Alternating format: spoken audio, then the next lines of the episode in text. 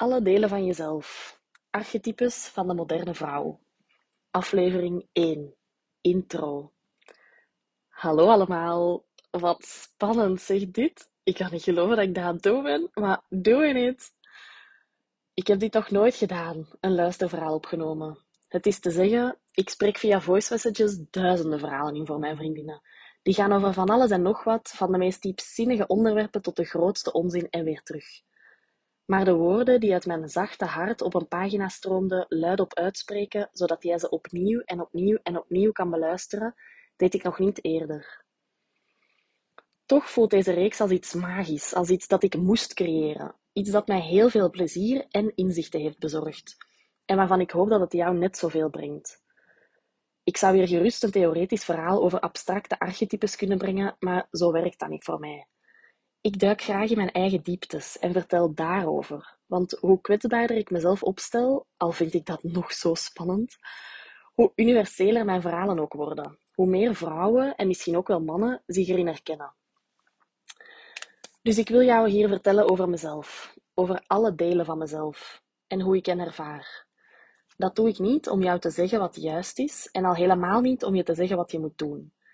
Ik doe het om je te tonen hoe ik door het leven ga, al lachend, dansend, huilend, met een bang hart of net eentje dat overloopt van liefde.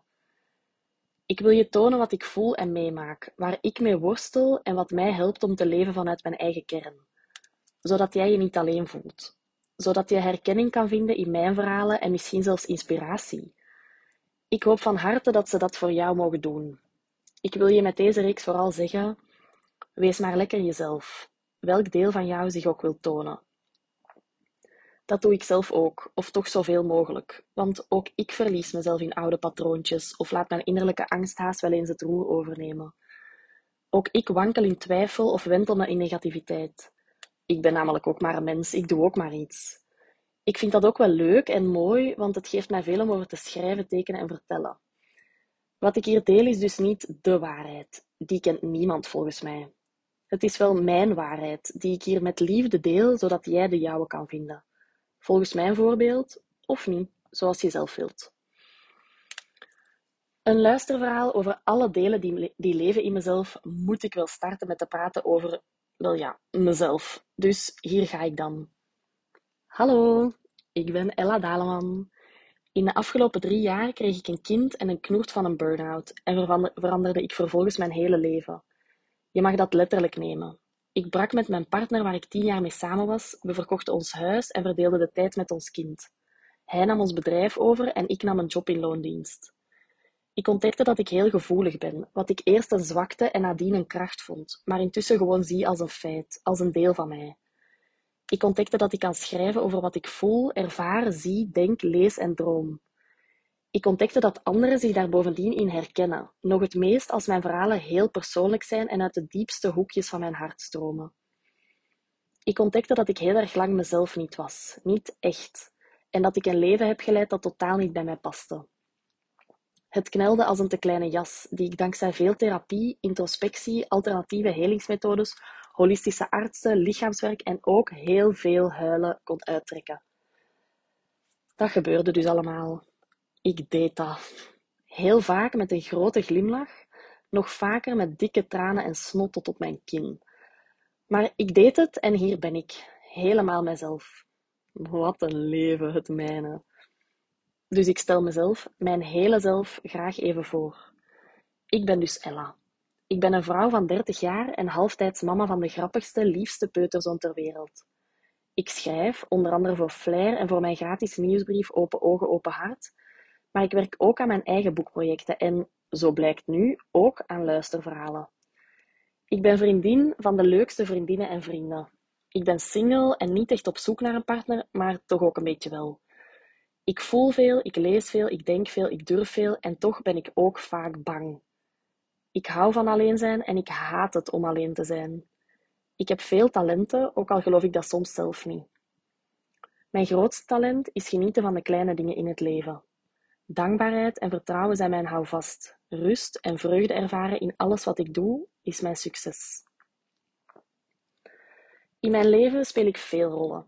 Die van vrouw, mama, vriendin, co-ouder, collega, zus, dochter enzovoort. Toch is er voor mij één rol het allerbelangrijkst, ook al klinkt dat misschien een beetje egoïstisch. Mijn rol als vrouw. Dat is mijn basis, mijn kern, de grond waarin al die andere plantjes kunnen groeien.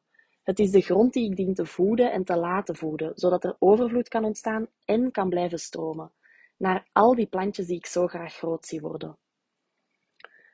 Daarom vertel ik je hier graag over de verschillende delen die leven in mezelf, de archetypes van de moderne vrouw. Ik haalde daarvoor inspiratie uit mijn eigen leven, uit de boeken die ik las, podcasts die ik beluisterde, verhalen die ik zelf schreef, eindeloze gesprekken met mijn vriendinnen en mijn therapeut en heel veel reflectie over mezelf in mijn dagboeken. Ik identificeerde tien archetypes, tien types van vrouwen die in mij en in vele vrouwen met mij leven. Mijn gevoel zegt me dat ik doorheen mijn leven nog meer delen van mezelf zal mogen ontmoeten. Maar voor nu wil ik het houden op deze tien. De wilde vrouw, de aangepaste vrouw, het gekwetste kind, de milde moeder, de innerlijke criticus, de vrije vrouw, de mannelijke bewaker, de verslindster, de sensuele vrouw en de godin op aarde. Elk archetype heeft een plekje aan de ronde tafel van mijn hart. Ik stel mij dat voor als een soort middeleeuws gegeven in een kasteel met dikke muren waar tapijten aan hangen en een grote open haard waarin het vuur altijd brandt. Aan de ronde tafel van mijn hart zijn tien, en wellicht dus nog meer, stoelen, maar er is één troon. Die troon wordt telkens door een ander deeltje van mij bezet, dat dan tijdelijk de leiding neemt. Ieder archetype heeft evenveel waarde, al vind ik sommige delen zelf leuker dan andere. Zoals ik het zie, zal ik het leven uitgespeeld hebben als ik ieder deeltje even graag leer zien. Laat ons zeggen dat dat nog een work in progress is. In deze reeks licht ik per aflevering een archetype toe. Ik vertel je waar zij voor staat en hoe zij zich toont in mijn leven. Aan het einde van iedere aflevering geef ik je mee hoe je dit deel van jezelf kan voeden of hoe je je ervan kan bevrijden. Dat doe ik aan de hand van concrete dingen die je kan doen, maar ook door vragen te stellen. Zo kan je daarover nadenken, erover schrijven in je journal, erover reflecteren met je psycholoog, in gesprek gaan met je partner of erover babbelen met je vriendinnen. Dit luisterverhaal gaat dus over mij, maar ik hoop dat jij jezelf er ook in herkent. Ik heb het met veel liefde geschreven en er zelf ook superveel uit geleerd. Hopelijk helpt het jou ook om vrede te sluiten met alle delen die in jou leven. Ik wens het je in elk geval toe. Van hart tot hart. Geniet ervan.